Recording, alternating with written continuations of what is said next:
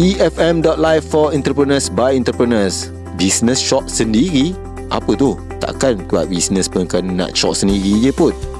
Tak kot. Mestilah kena ada fikirkan juga pasal kehendak pelanggan kan?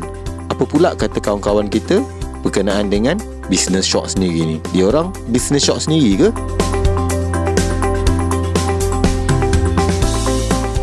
EFM.live for entrepreneurs by entrepreneurs. Assalamualaikum. Salam sejahtera. Dan seperti biasalah aa, Saya nak kongsikan dengan anda Apa tips kita hari ini. Dan tips kita hari ini aa, Saya nak kongsikan iaitu Kalau nak berjaya Di dalam hidup Kita kena jadi buta dan pekak. Macam mana tu? Aa, maksudnya Buta dengan halangan di hadapan pekak dengan kata-kata negatif dan cacian. Maksudnya, kita jangan mendengar cakap-cakap orang. Sebab orang tak pernah nak senang dengan apa yang kita buat. And, dan buta tu pula Kita jangan fikir Halangan-halangan depan Kita kena tuju ke Kita dah ada visi Kita dah ada objektif Kita teruskan apa yang kita rancang Sebab kita yang tentukan apa Yang kita nak buat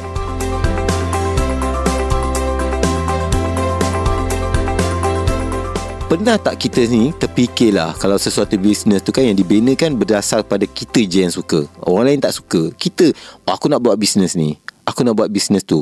Tapi kita tak buat kajian. Kita tak tahu sebenarnya pengguna ke ataupun pelanggan suka ke apa yang kita jual. Ha. Suka? Awak suka? Saya tak suka. Ha. Bolehlah.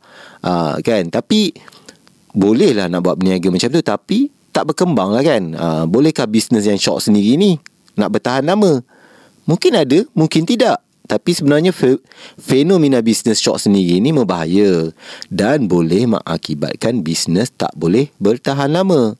Ha, so, ada banyak yang kita boleh ambil itibar daripada fenomena short sendiri ni dalam kehidupan. Terutamanya dalam bisnes. Antara yang saya boleh fikirkan kat sini, ah contohnya eh. Ah, pertama, jual apa yang pelanggan suka sebenarnya. Ha, ini penting sebab kita kena tahu pelanggan suka apa. Janganlah kita jual kita rasa kita je suka. Kawan baik kita je suka. Tapi orang ramai tak suka. Ha, ini paling penting ni. Kita biasanya menilai sesuatu berdasarkan usaha yang telah dicurahkan untuk menghasilkan produk jualan kita. Ha, makin susah, makin mahal lah kita rasa. Betul tak? Ha, okay. Tapi pelanggan tidak ada sentimen macam tu. Ah, mungkin mereka memberi nilai secara objektif terhadap produk atau perkhidmatan kita.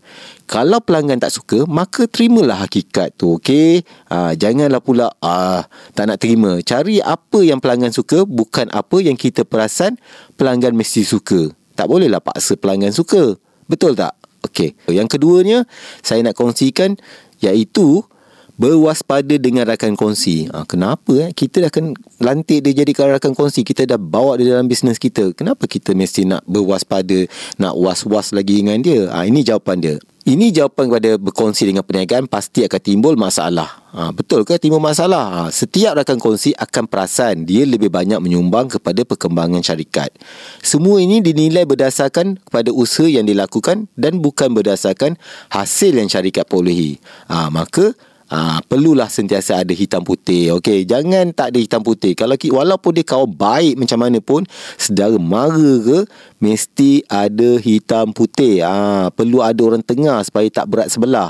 Jadi kalau ada apa-apa konflik, kita boleh refer pada orang tengah ni supaya dia tidak memihak ke mana-mana. Okey, ha, itu yang penting. Kalau ada rakan kongsi, pastikan ada hitam putih. Jangan nak shock sendiri je fikir oh, sebab dia kawan dia sedara mara dia sedara mara apa rapat ke apa kita buat tak tahu je. Kita rasa oh tak apa boleh percaya. Tak boleh. Zaman sekarang macam-macam. Alright? Okay, yang ketiga.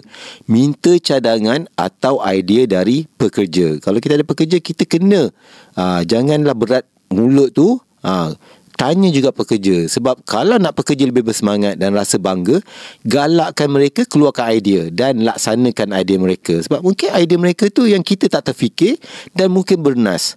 Ha, mereka akan pastinya lebih bangga dan memandang tinggi hasil usaha tersebut. Ha, jadi janganlah pandang rendah pada pekerja. Sebab kadang-kadang pekerja ni dia lebih tahu ilmu daripada kita. Alright. Dan nombor empat, apa dia pula? Okey, nombor empat, bezakan antara hasil dengan usaha. Apa ya? Apa beza dia hasil dengan usaha ni? Okey. Setiap kali tegur pekerja, berhati-hati. Terang kepada mereka beza antara hasil dengan usaha yang telah dicurahkan. Beri perhargaan pada kerja teruk mereka terlebih dahulu. Ha, mungkin mereka rasa hmm, walaupun aku buat kerja teruk tapi dihargai juga. Kemudian terangkan hasil kerja secara objektif dengan fakta. Ha, mungkin kita dah walaupun penghargaan tu mungkin uh, sedikit tapi sekurang-kurang mereka kata oh, okey penat lelah mereka tu telah, telah dihargai. Jadi kita sambil tu kita ajar yang sebaiknya kepada pekerja-pekerja. Okey. Nombor lima, produk separa siap. Apa tu produk separa siap? Okey, kalau nak buat produk, pastikan produk anda memerlukan sedikit usaha kepada pengguna. Ha, contohlah, kalau kita tengok eh, IKEA. Okey, konsep pembeli terpaksa buka dan pasang sendiri perabot yang dia beli dari IKEA membuatkan mereka sayangkan perabot tersebut sebab mereka terpaksa buat sendiri, pasang sendiri. Okey, hasilnya IKEA yang dapat nama bila pembeli sering bangga mempamerkan perabot yang mereka pasang sendiri pada rakan-rakan mereka.